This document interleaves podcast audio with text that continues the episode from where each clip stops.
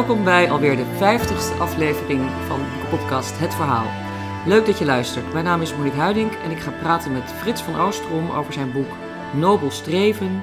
Het onwaarschijnlijke maar waar gebeurde verhaal van ridder Jan van Brederode. Frits van Oostrom is universiteitshoogleraar in Utrecht en hij is gespecialiseerd in de Nederlandse letterkunde van de middeleeuwen. Voor zijn wetenschappelijk werk kreeg hij in 1995 de Spinoza-prijs en zijn boek Marlands Wereld werd in 1996 bekroond met de ACO Literatuurprijs. Welkom Frits, leuk dat je er bent in deze jubileumuitzending. Um, het boek uh, leest als Game of Thrones in, in Holland en omstreken. ken, je, ken je die serie? Alleen maar van naam. Ah, oh, dat is jammer. Maar de vergelijking is eerder gemaakt. Ja, ja, dus dat ik, ja, ik heb voor de hand. enig idee over. Ja, Ja, die, die serie is gebaseerd op, gebaseerd, uh, losjes uh, op, de, op de oorlogen die in Engeland speelden in die tijd. Ja. Dezelfde tijd waarin dit verhaal van Jan van Brederode speelt. Dus vandaar, ik ken die serie, ik vind dat, vind dat een fantastische serie, dus daarom is het ook logisch dat ik daar moest Nee, ik, ik eh, beschouw het als een compliment. Dat, is, dat is best leuk als, als hij daarmee vergeleken wordt. Uh, waarom moest dit, Jan, dit verhaal van Jan van Brederode verteld worden? Ja, moest. De, de, laat ik het vanuit mezelf uh, zien. Hè? Want, want een schrijver hoopt wel een publiek te vinden, tenminste ik wel. Ik vind het ook heel belangrijk wat het publiek ervan vindt. Maar het begint natuurlijk allemaal toch bij je eigen drang, om met Annie M. G. Schmid te spreken. En, en in mijn geval was dat dan zo dat ik de twee boeken hiervoor, die zijn eigenlijk enigszins encyclopedisch van karakter. Die vormen samen een tweeluik over de hele Nederlandse letterkunde van de middeleeuwen. Een, uh, nou ja, uh, waarin ik eigenlijk probeer dat hele vak in, in mijn greep te krijgen.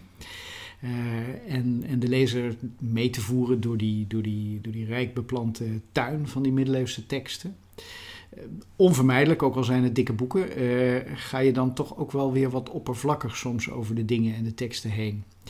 En toen ik aan die boeken schreef, toen wist ik al dat daar ook nog dit geval eigenlijk bij hoorde. Het komt ook wel heel even aan de orde in, in het tweede boek. Dit geval genoemd, Jan van, Jan van Brederode. Ja, vooral het geval van de tekst die hij schreef. Want is Konings Summen. Juist. He, want mijn eigenlijke vak is natuurlijk uh, Neerlandicus en niet historicus. Hij dat ik flink heb bijgeleerd in die hoek. Uh, maar maar uh, ik, ik ben toch vooral ook geïnteresseerd in het verleden, het middeleeuwse verleden, als er teksten aan te pas komen. Want dat dacht ik al. Het uitgangspunt is ongetwijfeld geweest. Uh, hoe heet het ook alweer? Des Konings Summen. Des Konings Summen, Ja. dat is een vertaling van Jan van Brederode toen hij in het, uh, in het klooster zat. Klopt. Van Somme le Roi. Ja, een vertaling wat, uit het wat Frans. is dat voor een En voor een dat is een hele opmerkelijke tekst. Dat was overigens al vaak gesignaleerd. Dat die vertaling heel levendig was en heel erg knap gedaan. Dus dat als je een beetje in dit vak thuis was, dan, dan wist je dat wel. Het is ook een vertaling die uh, ook de boekdrukkunst bijvoorbeeld heeft overleefd. En, en, en heel wat drukken heeft beleefd in de, in de vroege tijden van de boekdrukkunst. Dus ook in de eigen tijd waarschijnlijk al een bijzondere tekst gevonden. Begin 14e eeuw, of uh, 15e eeuw geschreven. 15e eeuw geschreven, maar toen was er nog geen boekdrukkunst natuurlijk. Maar toen daarna is het, uh, is het snel, is het dus die hele 15e eeuw, zeg maar, is die tekst uh, uh, levend gebleven. En zelfs nog een stuk van de 16e. Um, vanwege zijn pittige taal eigenlijk. Het is een, een moraal-theologische tekst, dus, dus dat klinkt misschien in eerste instantie als heel ijl. En het is een tekst over zonde en deugden, maar juist in de beschrijving van de zonde en de deugden en vooral van de zonden is Jan van Brederode buitengewoon uh, bloemrijk, kleurrijk en beeldend geweest. Um, nou lag dat eigenlijk niet voor de hand natuurlijk. Een, een middeleeuwse ridder die zo'n soort tekst schrijft. En daar was dus ook wel eens wat twijfel over uitgesproken van hoe zit het allemaal precies. Um, alleen ik wist, en dat is dan het voordeel dat ik die historische vakliteratuur ook goed ken, dat wel degelijk al in 1926 door een historicus was bewezen dat Jan van Brederode de auteur van deze tekst was. Een onwaarschijnlijke auteur zoals gezegd. Maar dus dat was eigenlijk de paradox waaruit ik vertrok. Zo'n auteur, zo'n middeleeuwse ridder. En als tekst zo'n moraal-theologisch geschrift. En dan ook nog heel goed gedaan. Dat is vreemd. Hè? Ja. Dit is geen Jacob van Maarland. Uh, en toen ben ik mij dus verder in dat leven gaan verdiepen. En dan begrijp je ook wel waarom hij deze tekst heeft geschreven. Zoals je al zei, precies in de fase dat hij een aantal jaren in het klooster zat. En waarschijnlijk helemaal knettergek werd van dat, van dat al te serene leven daar. Uh, dus dan krijgt het wel zijn plaats. Maar toen ik dat leven beter ging bekijken ja, toen viel ik van de ene verbazing in de andere. En toen is dat dus helemaal een verhaal op zichzelf geworden. Waar die tekst inmiddels in ligt, ingebed in hoofdstuk 3, als ik me wel herinner. Ja. ja. Ik weet niet of het hoofdstuk 3 is, maar het is inderdaad helemaal een levensbeschrijving geworden van, van deze ridder. Een, een hoge adellijke in, in Holland, of Kennemerland eigenlijk. Hè? Ja, Holland, ja. Dus, Die, uit hoge adellijke familie uh, afkomstig. Zeker. En uh, laten we gewoon eens uh, bij het begin beginnen. hij, hij wordt geboren 1386? Nou, nee, wel iets, wel iets eerder. wel iets eerder, 13, 1372, zo, zo daaromtrent. Uh, geboren in een uh, hoogadelijk geslacht, de Brederoders, de hoogste adel van Holland, net onder de, onder de graaf. Uh, mensen die al, al een eeuw lang ja, op het voorgrond staan van, van de Hollandse politiek en de Hollandse macht. Uh, en uh, op een gegeven moment wordt hij uh, de nieuwe heer van Brederode als opvolger van zijn vader. Ook weer naar een aantal verwikkelingen, maar dat laten we dan maar even zitten. Hij is dan 18 jaar. Hij is dan ongeveer 18 jaar, dus dat is ook zich, op zich ook een mooie leeftijd om middeleeuws heer te worden. Ja, en dan jong? ziet het er allemaal zeer zonnig uit. Nou ja, wel een beetje jong misschien, maar aan de andere kant, als je in dat soort kringen geboren werd, dan, dan werd je ook in zekere zin vroeg volwassen, zou ik maar zeggen. Omdat die verantwoordelijkheid natuurlijk in het verschiet lag. en, en vergeet even niet ook, uh, heer zijn in de middeleeuwen betekent ook uh, vechten. En uh, dan kan je maar beter een twintiger zijn dan een vijftiger. Dat is waar. Even, even schetsen voor de luisteraar. Wat was, wat, wat was hun macht, zeg maar, of hun invloed? Of waar verdienden ja. zij hun inkomen mee? Brederode is een leen en dat bestaat uit weer een hele verzameling bezittingen. in de eerste plaats in Kennemerland, dus rondom slot Zandpoort, waar je nog altijd naartoe kan. Dat was hun slot? Dat was hun familieslot, maar dat was niet hun enige kasteel. Ze hadden ook nog kasteel in de Alblasserwaard. Dat heette toen nog niet zo, maar het is wat nu de Alblasserwaard is. Daar hadden ze ook uitgestrekte bezittingen. En nog een hele hoop andere ook. Ook bij Callans Oog, dus meer naar het noorden van, uh, van Noord-Holland, hadden ze bezittingen. En dan werkte de feodaliteit zo. Die hadden zij in leen van de graaf van Holland. Die had dat doorgeleend aan hen. Zij moesten daarvoor zorgen, maar zij konden ook delen in de opbrengsten van, uh, van al die gebieden. En daar hoorden allerlei rechten bij waar ze ook uh, inkomsten uit hadden. Dus eigenlijk uh, werden, werden die landerijen grotendeels bewerkt door boeren. Maar een flink deel van de opbrengst ging naar de heren. Dat is het hele klassieke aristocratische systeem. Daar staat ook wel wat tegenover. Zij moeten die boeren, als het nodig is, beschermen en ook steunen en zorgen dat daar uh, goede uh, arbeidsomstandigheden zijn en uh, recht spreken ook. dat hoorde er allemaal bij. En omgekeerd, in de richting van die graaf van Holland, zijn zij verplicht om die graaf, die hen dit in leen had gegeven, bij te staan met hulp, met advies. Zo nodig. Dus een heer van Brederode hoort ook tot de raad van de, graven, van de graaf van Holland. En met militaire bijstand. Want de graaf van Holland was de hoogste macht. Dat is de hoogste macht. Dus nou ja, die is dan weer leenheer van de Duitse keizer, ja, maar zo kunnen we aan de gang blijven. in Nederland. Ja, ja. Uh, in, in de Hollandse context is de graaf de hoogste en komt Brederode direct daarna. Ja, en, en dat was Albrecht van Beieren. Albrecht van Beieren toen. En uh, ja, de, nou ja, kortom, eigenlijk helemaal de, de eerste twintig jaar van, van Jan van Brederode's leven zijn eigenlijk in zekere zin voorspelbaar. Als je in, in dat wiegje geboren wordt, dan hoort dit daarbij. Ja. Wat er ook bij hoorde was dus al snel een oorlog tegen Friesland. Wat wel een groot probleem was, want dat oorlog voeren is ook al in de middeleeuwen ongelooflijk kostbaar. En uh, hoewel deze heren dus rijk waren in land, uh, is dat nog niet hetzelfde als rijk in, in geld. Dus, dus ze hebben toch uh, grote moeite al als er zo'n oorlog uitbreekt om de daarvoor benodigde gelden op te brengen. Ook omdat ze manschappen moeten inhuren. Nou, dat onder andere. En, en de hele logistiek natuurlijk van een oorlog in Friesland. Uh, echt niet zo dichtbij. Uh, daar moesten ze de Zuiderzee voor overvaren. Er kwam een hele hoop bij kijken. Dat was een hele dure aangelegenheid. En daar kwam nog bovendien bij dat hij een huwelijk had gesloten met op zichzelf een schitterende partij. Johanna van Apkoude, uh, die erfdochter was van een heel groot bezit in het sticht. Dus zeg maar in het Utrechtse, naastgelegen grote gebied. Ehm, alleen Daarvoor had hij huwelijkse voorwaarden moeten sluiten. Uh, die betekende dat hij tot het uiterste van zijn financiële mogelijkheden moest gaan. Dus dat werd allerleks moeilijker. Dus... Dat, is, dat vond ik wel opmerkelijk. Dus hij trouwt een, een uh, zeer goede partij. Maar hij moet daar een soort bruidschatachtige ja. lening voor betalen. Ja, ja, het is helemaal niet zo dat die bruidschat altijd van de vrouwelijke kant komt. Dat is allemaal voorwerp van onderhandeling in ja. de middeleeuwen tussen partijen. En die vader van Johanna van Opkoude, die wist natuurlijk heel goed wat zijn dochter waard was. Dus die wilde jaarlijks een, uh, een bedrag in contanten van. Een soort uh, rente Jan, betalen over ja. Ja, moet hij jaarlijks. En, en die schoonvader was daar niet makkelijk in. Dus die heeft daar bovenop gezeten. En uh, als hij even te laat was met betalen, dan kreeg hij bij wijze van spreken meteen een deurwaarder. En uiteindelijk is die schoonvader ook nog, nog procedures begonnen, zelfs tegen Jan van Brederode. Het was gewoon een rotzak. Ja, nou ja, hij had er wel recht op. Het was wel de afspraak natuurlijk. Maar hij hield maar hem er ook heel hij erg hield aan. hem er heel erg aan. En als hij wat soepeler was geweest, had, had dat hele leven misschien een andere wending genomen. Ja, want En eigenlijk er kwam nog een probleem de- bij, ze kregen geen kinderen. Ja, precies. En eigenlijk begint daar de ellende met dat huwelijk. Ja, Want ja. ten eerste terwijl het er zo zonnig uitzag. Ja, terwijl het Ja. zag er schitterend uit. Ja. Het kostte heel veel geld en het bleef maar geld kosten. Hij Ja, en die schoonvader overleed maar niet. Hè, want die als die bleef- was overleden, dan hadden ze de erfenis gekregen. Was het hele probleem opgelost. Maar ja, die bleef maar in leven. Ja. Dus ze, ze moesten blijven wachten. En het bleef kinderloos. Dat en het was bleef kinderloos. Dus dat werd op een gegeven moment echt heel kritiek. Want, dat is een belangrijk punt, Brederode was wat dan heet een rechtleen. Dat betekent het kon alleen maar vererven van Jan op een kind van Jan. En niet naar een broer. Hij had wel broers, maar die deden niet mee in die juridische eh erfeniskwesties. dus het was, wilde Brederode eh, gehandhaafd blijven als leen, dan moesten er kinderen komen bij de heer. Eh, zo simpel was het. Ja. En in die eh, pijnlijke, penibele situatie, met bovendien nog oorlogen, hè, dus, dus ook nog het risico dat hij snel het leven zou laten, eh, was ook eh, eh, zeer denkbaar. Eh, hebben ze dus besloten, en dat is een heel bijzondere stap geweest, het echtpaar Jan en Johanna om terug te treden als heer en vrouwen van Brederode ten gunste van een jongere broer van Jan, die toen opvolgde als nieuwe heer, nieuwe ronde, nieuwe kansen, die kon weer kinderen krijgen. Walraven heet die. Precies, zou ook nog een heel andere loop nemen, maar de bedoeling was in ieder geval juist en, en was eigenlijk best een, een, een slimme redenering, strategisch. Ze dachten daar duidelijk ook over na, hoe moet het verder? Eh, en Jan en Johanna zijn toen teruggetreden en allebei het klooster ingegaan. Ieder een eigen klooster uiteraard. Ja.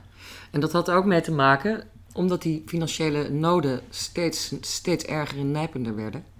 En dat ze daarmee ook een beetje hoopten dat die schulden die ze hadden...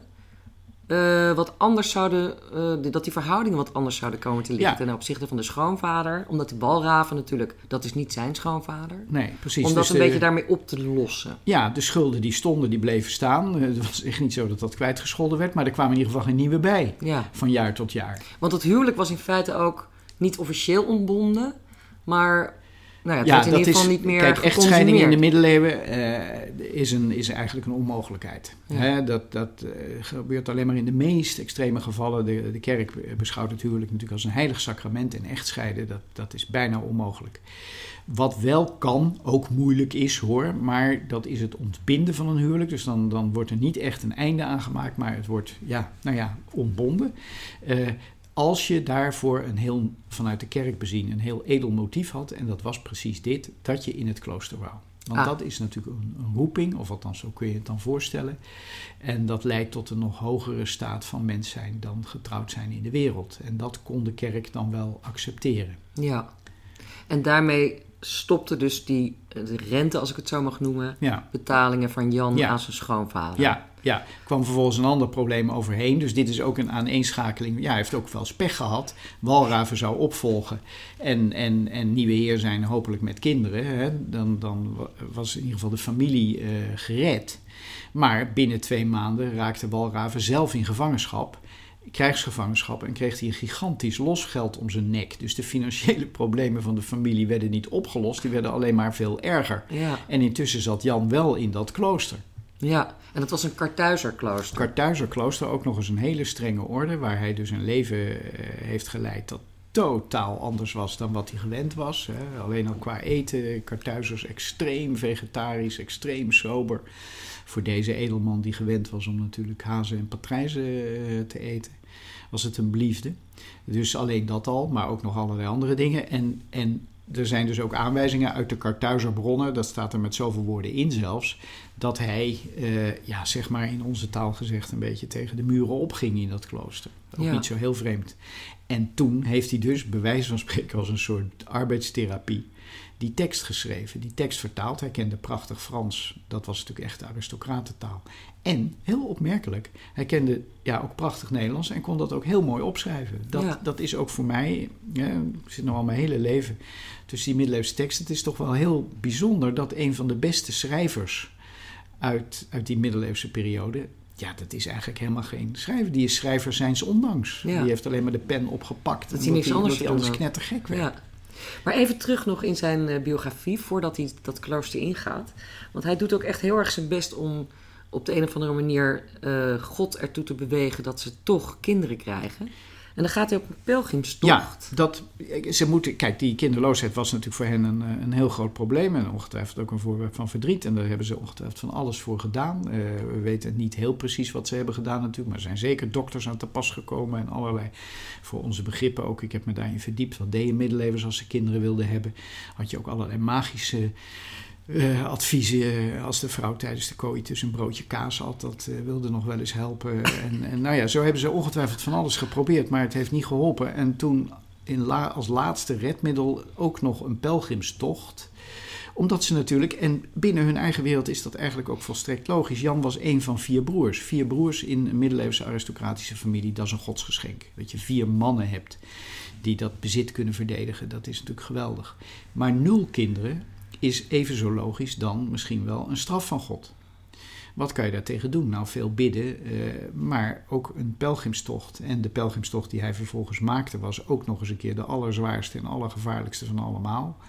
Namelijk naar Noord-Ierland, waar je dan uh, uh, het vagevuur kon bezoeken. Ja, dat is ook weer zo'n ongelooflijk verhaal, maar allemaal echt gebeurd. En hij is dus vanuit, zeg maar vanuit Velzen scheep gegaan naar Noord-Ierland. Wat alleen al als reis natuurlijk een enorm gevaarlijk was. Ik bedoel, ze waren wel redelijk gewend om naar Engeland te reizen, maar dat is nog wel even iets anders dan naar Noord-Ierland. Ja. Maar hij heeft het wel gedaan en hij is teruggekomen. Maar ja, en hij heeft een kapel gesticht.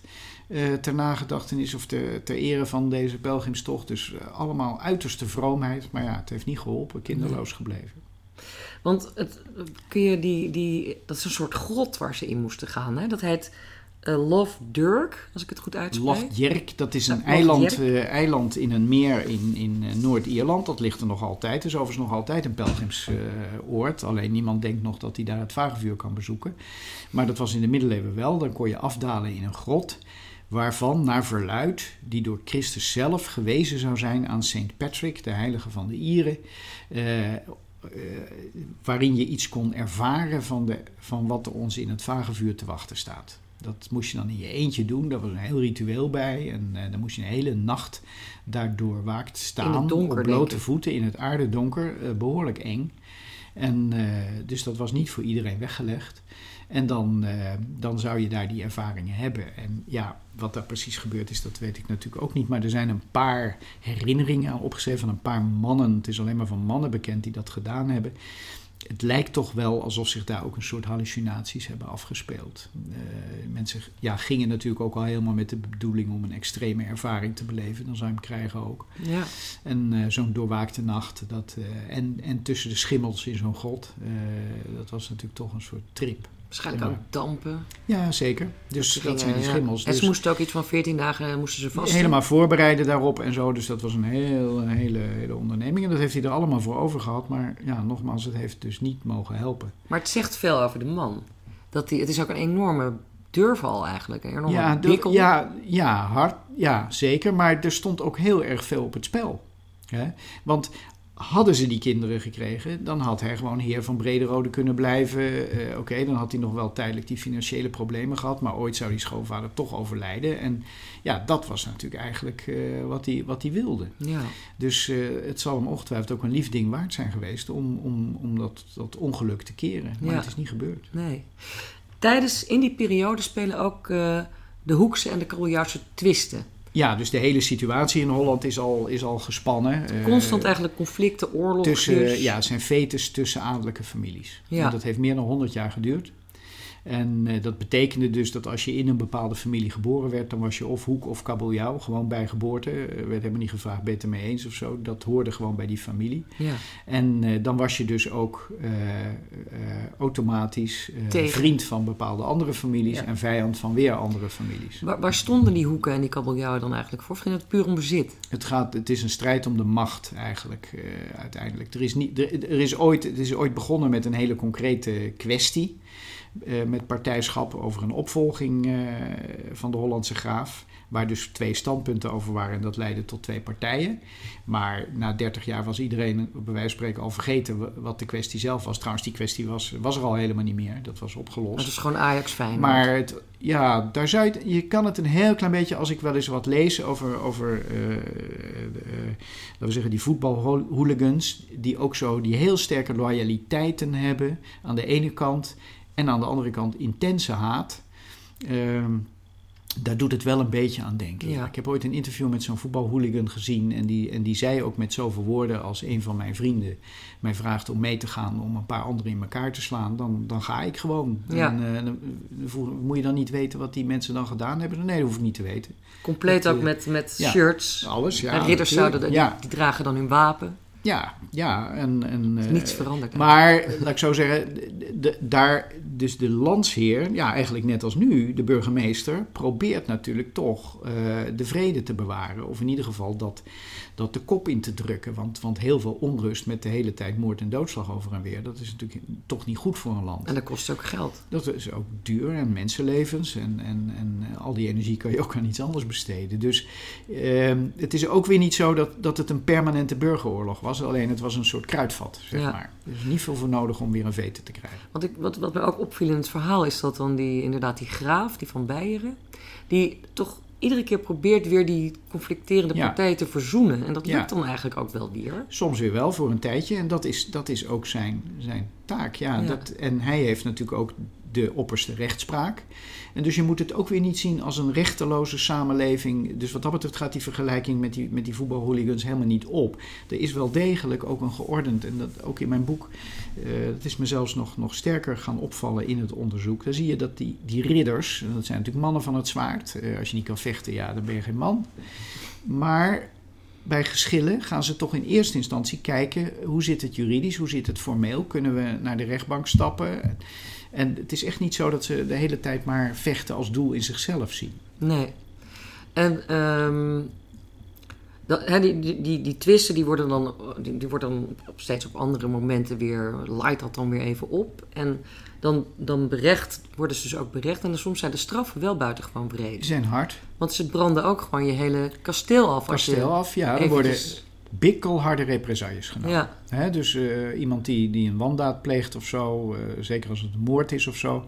eh, ja, dat kan gebeuren dat, dat de landsheer dan besluit dat je hele huis wordt afgebroken en dat je zelf verbannen wordt. ja. Ja, dat, dat is niet mals natuurlijk. En dan is het ook wel weer zo dat dan al enkele jaren later, na de gevangenisstraf, dan keert hij hier weer terug naar zijn ruïne. En die gaat het dan weer enthousiast Dat opbouwen. Komt, dat komt, ik bedoel, zo is het ook wel weer in de middeleeuwen. Dus als je dan je straf hebt uitgezeten of uitgediend, dan, dan ben je ook weer vrij. Dan, Ja.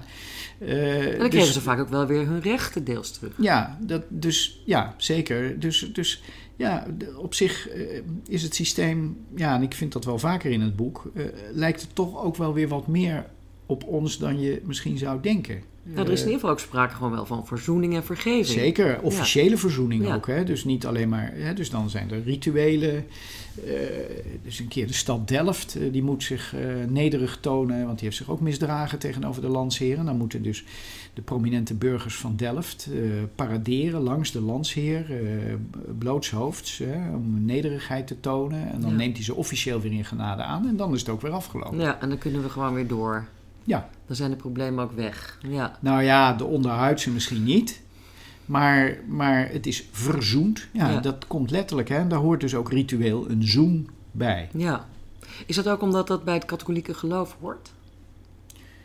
Ja, dit zijn wel... Dit is niet een kerkrechtelijk eh Nee, maar als ritueel. mentaliteit? Maar ja, ja, het is ook... Ja, nou, misschien. eh, de kerk probeert natuurlijk ook liefde eh, te prediken en niet haat. Dat is dan wel, wel herkenbaar. Uh, de kerk had ook, ook om heel veel redenen grote moeite met deze explosieve situaties en zo. Hè. Alleen de kruistochten tegen de heidenen, dat was natuurlijk een ander geval. Hè. Ja. Daar mocht je ook wapens gebruiken die, uh, die onderling uh, eigenlijk verboden waren. Hè. Dus bepaald, bepaald schiettuig, wat zo verwoestend was, dat gold als, als verboden. Alleen tegen de heidenen mocht je het dan wel inzetten. Ja. Hè. Dus die kerk die, die neemt wel deel. Ja, nee, nee, net zo min als ons. Ja, nee, ja inderdaad. Ja. ja. Nou goed, dan heeft, uh, dan heeft Jan al een paar keer meegevochten tegen de Friese. Ja. En uh, zijn broer Walraven, die begint dat ook uh, interessant te vinden om mee te doen. En die, dat is een beetje een die vliegt er steeds een beetje te vroeg in, in de Je krijgt het beeld dat Walraven een heel erg heet gebakerd iemand was. En, en uh, dat heeft hem ook, uh, ja, het is hem zuur opgebroken. Dat is in de Friesland begonnen. Daar toen nog door zijn broer wordt hij meteen gepakt ja. uh, door de Friese. Daar krijgt zijn broer hem nog vrij, met heel veel moeite. Maar dat loopt dan nog goed af.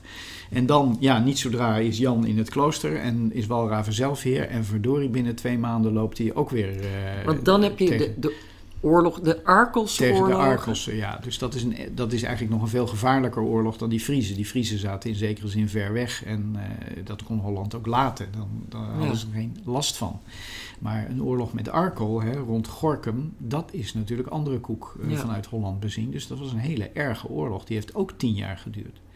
En daarin loopt Valra, Walraven meteen een gevangenschap uh, op ja. met dat losgeld. En helemaal aan het eind van zijn leven, Jan is dan al dood, zal Walraven zelfs nog weer later uh, sneuvelen in de straten van Gorkum, omdat hij nog even wraak wil nemen voor die gevangenschap. Het lijkt me dus een, een, een, beetje een, een, ja, een een wat agressief iemand die, iemand die te goed met zijn agressie ja. kon omgaan. Ja, nee, maar eh, nou ja, Jacobe van Beieren, Jan was toen al dood, maar Jacobe van Beieren was zeer op hem gesteld. Was kennelijk toch ook wel een goed veldheer, maar een, ja. beetje, een beetje woest. Ja. Hij liet zich uh, iedere keer liet hij zich gijzelen, wat heel onhandig is in, uh, in de strijd. Ja, maar weglopen is ook... dat kan natuurlijk ook dat niet. Is ook, ja. hè, dat, daar houden ze ook niet van. Nee. Nou goed, op, dan zit Jan dus in het klooster bij de, bij de Kartuizers. En ja, moet daar een.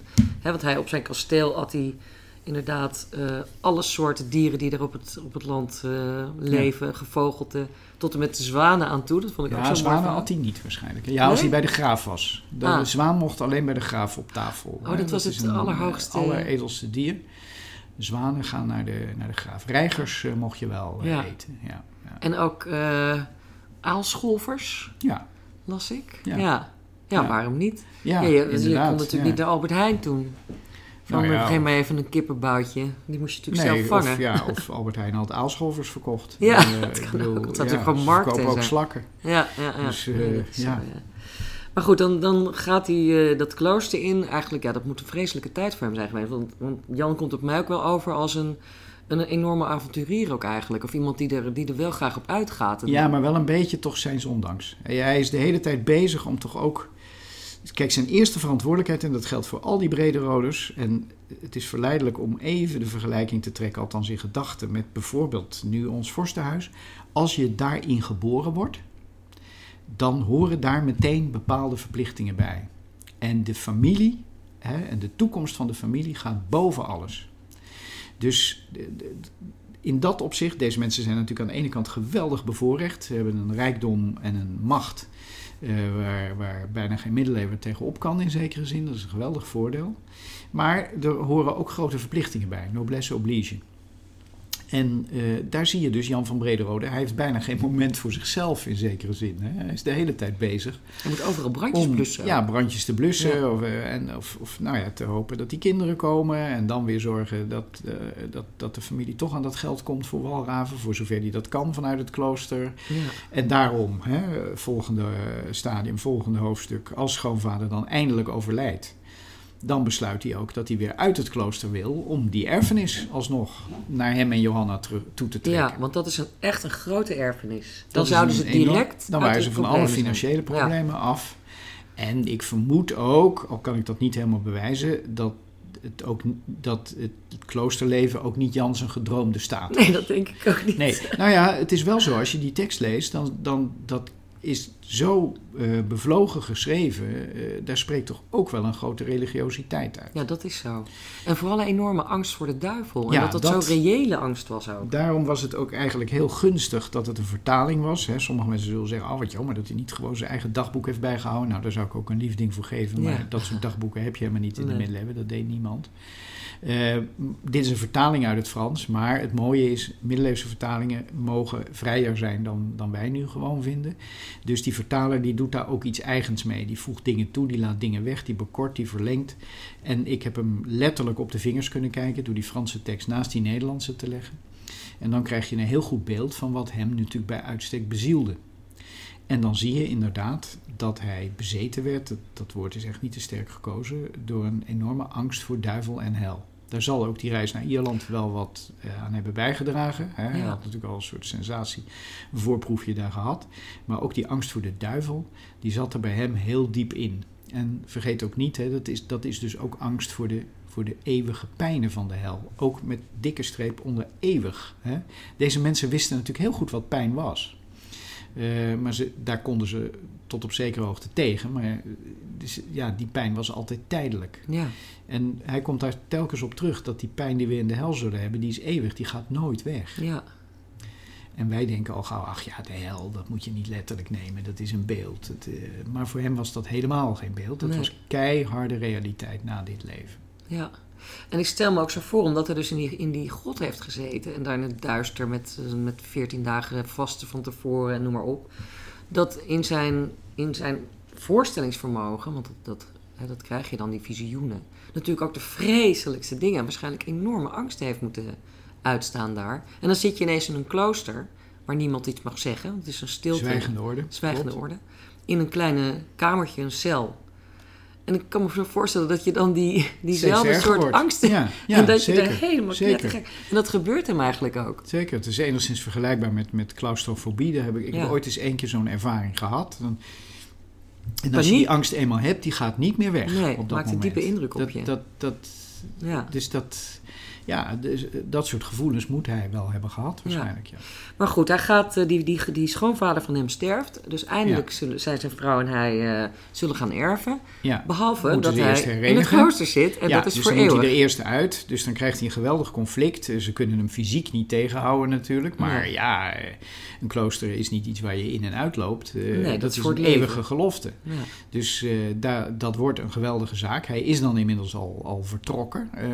maar, maar die zaak die gaat heel hoog opspelen. Tot, tot uh, zelfs bij de Universiteit van Parijs, notabene, waar die zaak wordt voorgelegd. Uh, want daar zit een heel juridisch verhaal achter. Hij beriep zich op bepaalde argumenten maar, eh, dat hij wel het klooster uit zou mogen. Maar ook de paus. En hij heeft een dispensatie bekomen in Rome. Ja, dus dat moet ook allemaal maar weer geregeld worden. Hè? Ja. Dus dan moet er ook weer een boodschapper naar Rome en waarschijnlijk wat smeergeld mee. Uh, ja. Enzovoort, enzovoort. Allemaal voor dat hoge maar doel. Maar dat kon hij allemaal wel. Ja, ja dus, ja. dus uh, ze konden echt wel ja, een potje breken, zou ik maar zeggen. Dat, maar dat goed, loopt gierend uit de hand. Dat loopt hem uit de hand. Hij, hij, de Universiteit van Parijs stelt hem in het ongelijk en zegt dat hij terug moet naar het klooster. Dat heeft hij niet gedaan. Maar dat was natuurlijk toch een heel naar predicaat. Dat hij gold als, nou ja, in het Latijn dan fugitivus, vluchteling. Apostatus, afvallige. Ja. Intussen gaat hij wel door om in de wereld, in Utrecht zelfs, uh, bij de bisschop te ijveren voor die erfenis. Want het is de erfenis dus van Abcoude en dat valt onder de bisschop van Utrecht. Maar de bisschop van Utrecht heeft zijn eigen politieke motieven om die hele erfenis niet aan Jan en Johanna te gunnen. Die geeft het liever aan een ander. Dat wordt ook weer een juridische zaak. Met ook heel veel partijschappen. En er zijn ook mensen die vinden dat Jan van Brederode hier echt onrecht wordt gedaan. Dat zij recht hebben op die erfenis. Maar ja, de Utrechtse bisschop gaat daar maar eens tegen in. Dus dat, dat wordt ook weer een hele zaak. Uh, die er uiteindelijk toe leidt dat hij met lege handen staat. Hij krijgt het niet voor elkaar. Hij krijgt het niet voor elkaar. Nee. En Johanna blijft in haar klooster in Wijk bij Duurstede zitten. En dan doet hij iets heel doms. Dan, ja, dan krijg je toch iets van. Dat heeft wel iets van een wanhoopsdaad. Ik weet niet wat hij daar nou echt dacht mee te bereiken. Uh, maar in ieder geval, hij is dus met een groep gewapende vrienden naar uh, Wijk bij Duurstede gereden. om daar zijn vrouw uh, uit het klooster te halen.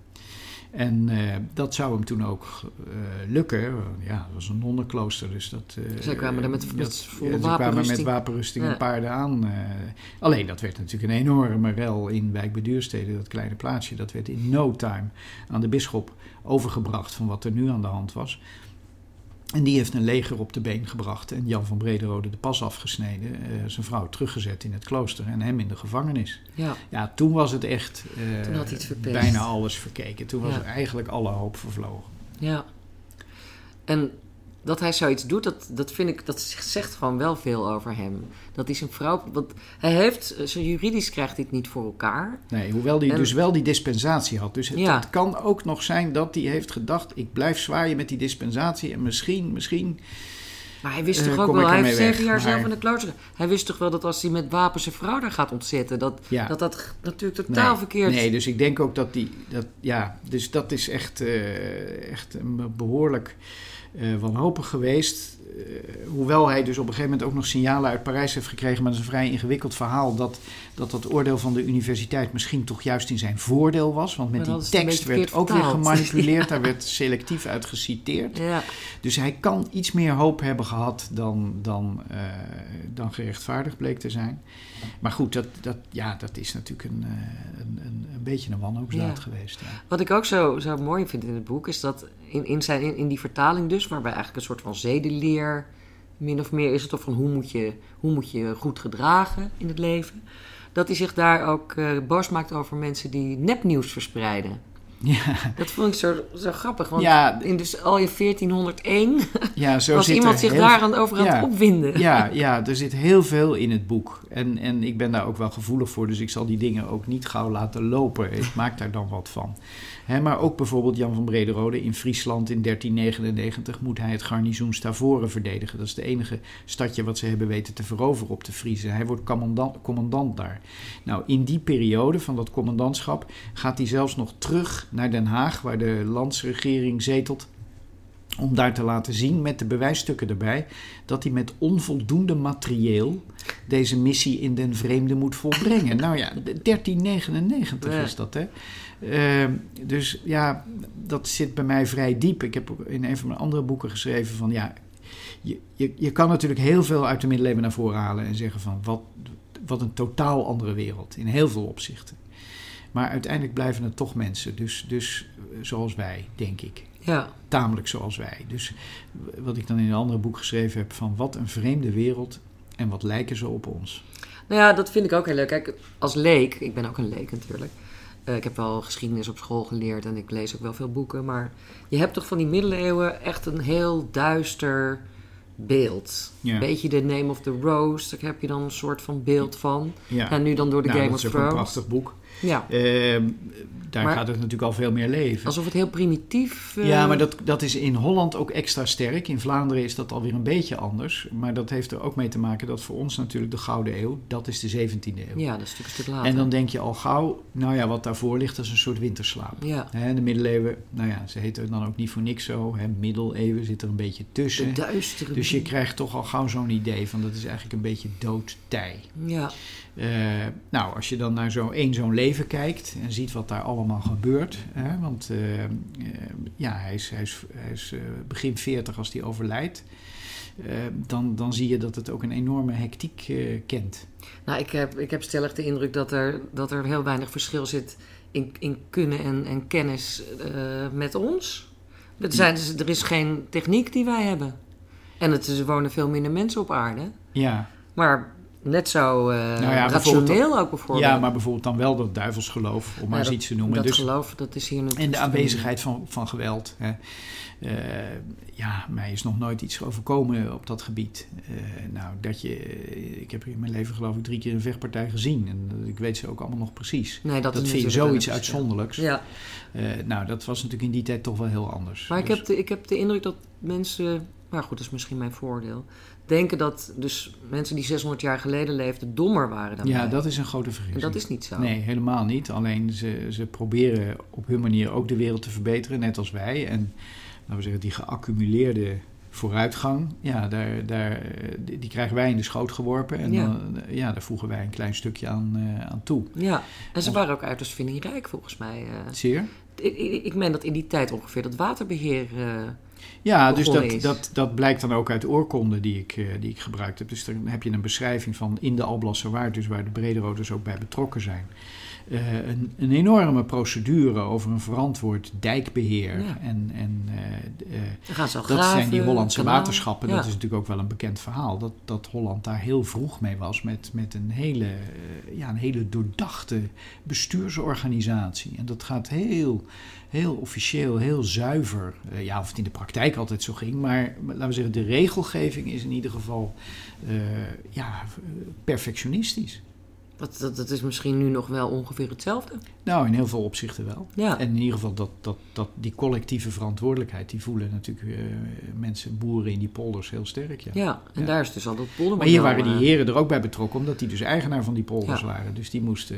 En die moesten dit ook, dit moesten onderhoud zegelen, ook deels, uh, moesten betalen en, en voor, waren daar verantwoordelijk voor. Dan had je ook hele rituelen. Als je dus, hè, dat is een mooi ritueel. Als je het niet meer kon betalen als heer, dan stak je de spade in de dijk. En dat is niet alleen maar bij wijze van spreken, nee, dat was letterlijk. Waarmee je dus aangaf door een, door een spa in een dijk te steken, dat je eigenlijk niet meer bij machten was om voor die dijk te zorgen. En dan moest iemand anders ervoor zorgen en dat begon dan met die spade eruit te trekken. Ah ja. En dan verviel het weer naar de hogere adel, naar de graaf of zo. Ja, nou in het waterschap werd dan beslist wat ermee, uh, wat ermee moest. Ja. Uh, maar de, ja, daar waren natuurlijk ook heel veel zorgen over. Ja, en, en dan zo'n Sint-Elisabethsvloed 1421 met onvoorstelbare verwoestingen. Ja. Uh, dat was ook echt wel nodig. een tijdje voordat dat... Ja, het was zeer nodig. Ja, het was echt een reëel gevaar namelijk, uh, dat water. Um, dan gaat uh, uiteindelijk komt het niet meer goed met Jan. Johanna gaat, wil gewoon het liefst in het klooster blijven. En... Nou, ja, dat is onzeker. Hè? Dat, oh. Er is, een, er is een, een kloosterlijke tekst die dat zegt dat zij het liefst in ah, een klooster wou blijven en dat de bisschop haar de keus had gegeven. Maar ik kan dat eigenlijk niet geloven. Ik denk dat hij haar gewoon heeft teruggezet. Ah. En in ieder geval is wel opvallend dat zij een jaar later al overlijdt. Aan een gebroken hart, denk ik. Althans, volgens sommige bronnen. En feit is dat ze heel jong overlijdt. En in het algemeen worden nonnen natuurlijk vrij oud. Het is niet een heel gevaarlijk leven. Uh, ja, ze kan ook gestruikeld zijn, hè? dat weten we niet. Maar, nou ja, je moet niet uitsluiten dat ze inderdaad zelf ook liefst met Jan ja. naar de wereld was teruggegaan. Het was in ieder geval wel essentieel, want het was haar erfenis. Dus alleen met hem vrij te hebben had je nog niks. Zij moest er ook uit. Ja. Maar goed, het is niet gebeurd. Zij is weer teruggezet in het klooster. En een, uh, een, jaar lang, uh, een jaar later al overleden. Ja. ja. toen had Jan helemaal niks meer. Geen vrouw meer, uh, geen kinderen, geen heer van Brederode. financieel niks bijzonders. Hij had eigenlijk geen nut meer. Niks meer, geen nut. En toen is hij teruggevallen op het enige wat hij nog kon, namelijk ridderlijk vechten. En toen is hij dus huurling geworden. het middeleeuwse huurlingenwezen, dat moet je niet onderschatten. Dat, ja, het is er nu nog, hè? mensen die gewoon voor geld uh, uh, vechten. Het Amerikaanse leger huurt nog heel veel. Dat zijn gewoon bedrijven, aannemers. Vreemdelingenlegioen. Dus Vreemdelingenlegioen, dus dat soort werelden. En dat had je al in de middeleeuwen ook. En die trokken door heel Europa. En er was natuurlijk overal permanent oorlog. Dus er viel ook een hoop te verdienen. Freelancers waren dat, hè? Ja, letterlijk. Ja. Freelancers, daar komt het begrip vandaan. Hè? Uh, dus dat heeft hij een paar jaar gedaan we zijn hem dan uh, kwijt, want uh, huurling word je altijd in de vreemde. Je gaat nooit in je eigen land huurling spelen, want daar heb je veel te veel vrienden en kennissen en dat, dat, dat vecht niet makkelijk. Maar in Italië, waar je nog nooit iemand hebt ontmoet, wat maakt jou uit wie je overhoop steekt? En zo redeneren ze dan. Of Spanje of Duitsland. Dus hij is ongetwijfeld heel veel op pad geweest. En, en het is helemaal niet uit te sluiten dat het nog ergens in bronnen staat. Alleen het is nog niet aangewezen. Nee. Uh, maar we weten wel wanneer zijn leven dan geëindigd is. En dat is in de beroemde veldslag bij Azincourt op, de, in oktober 1415. Eh, en daar heeft hij de dood gevonden, ja. Ja, daarin verslaat Henry V de Franse koning. ja, het is een hele beroemde veldslag. Uh, vooral de Engelsen zijn er heel erg dol op. Toneelstuk over Ja, het is een groot moment in de Engelse geschiedenis. En een heel pijnlijk moment in de Franse geschiedenis. Want de Fransen waren uh, veruit in de overmacht, maar niet te min. Ze hebben verloren. Ja. En uh, in die veldslag is Jan als huurling aan Franse kant, zoals ik heb kunnen bewijzen, dat was nog niet zeker. Aan welke kant is die eigenlijk gevallen? Maar dat blijkt nu toch wel de Franse kant te zijn geweest. daar is hij omgekomen. Ja een roemloos einde. Ja, en ook uh, een, bijvoorbeeld een roemloos graf. We weten niet, hij zal wel in een massagraf beland zijn. Ja. Is hij eigenlijk een mislukkeling, Jan? Nou ja, uh, ja, ten opzichte van, van, laten we zeggen, 1390, als hij de nieuwe heer van Brederode wordt, is het, is het een drama geworden. Ja, Een drama. Had het ook een roman kunnen worden? Ja, dat had zeker een roman kunnen worden. Uh, ik had hem niet kunnen schrijven, maar nee? Helle Haase wel. Ja. En, uh, het is een fantastische levensgeschiedenis. Ja, het is een geweldig levensgeschiedenis. Het ligt helemaal klaar. Al die met alles eromheen. En je kan er een hele hoop van maken. Trouwens, ik, ik maak ook die uitstapjes. Nou, hoe zat dat met zo'n bisschop in de middeleeuwen? En hoe ging dat aan de Universiteit van Parijs? En die Friese, wat was dat eigenlijk voor volkje? En die pelgrimstochten. Dus ik bedoel, ik, soms... Eh, mijn boek is ook wel heel erg een verhaal. Hè? Jouw serie heet een verhaal. Nou, daar, daar hoort het eh, vol in thuis, durf ik te zeggen. Maar het is geen roman. Nee, het is zeker geen roman. Maar het zou absoluut waard zijn om voor iemand die dat goed kan, om hier eens een prachtige roman over te schrijven, over dit, uh, dit zeer boeiende leven. Nou, ik zal zeker de eerste lezer zijn dan. dat begrijp ik. Heel erg bedankt voor dit gesprek. Ik sprak met Frits van Oostrom over zijn boek Nobel Streven. Uh, abonneer je op deze podcast via iTunes, Soundcloud of Stitcher. En je kunt deze zonder subsidie of sponsors gemaakte podcast ook financieel steunen met een donatie. Dat kan via de website podcasthetverhaal.nl en op de pagina Steun het Verhaal kun je bedrag overmaken naar keuze. Alvast hartelijk dank voor het luisteren en tot de volgende keer.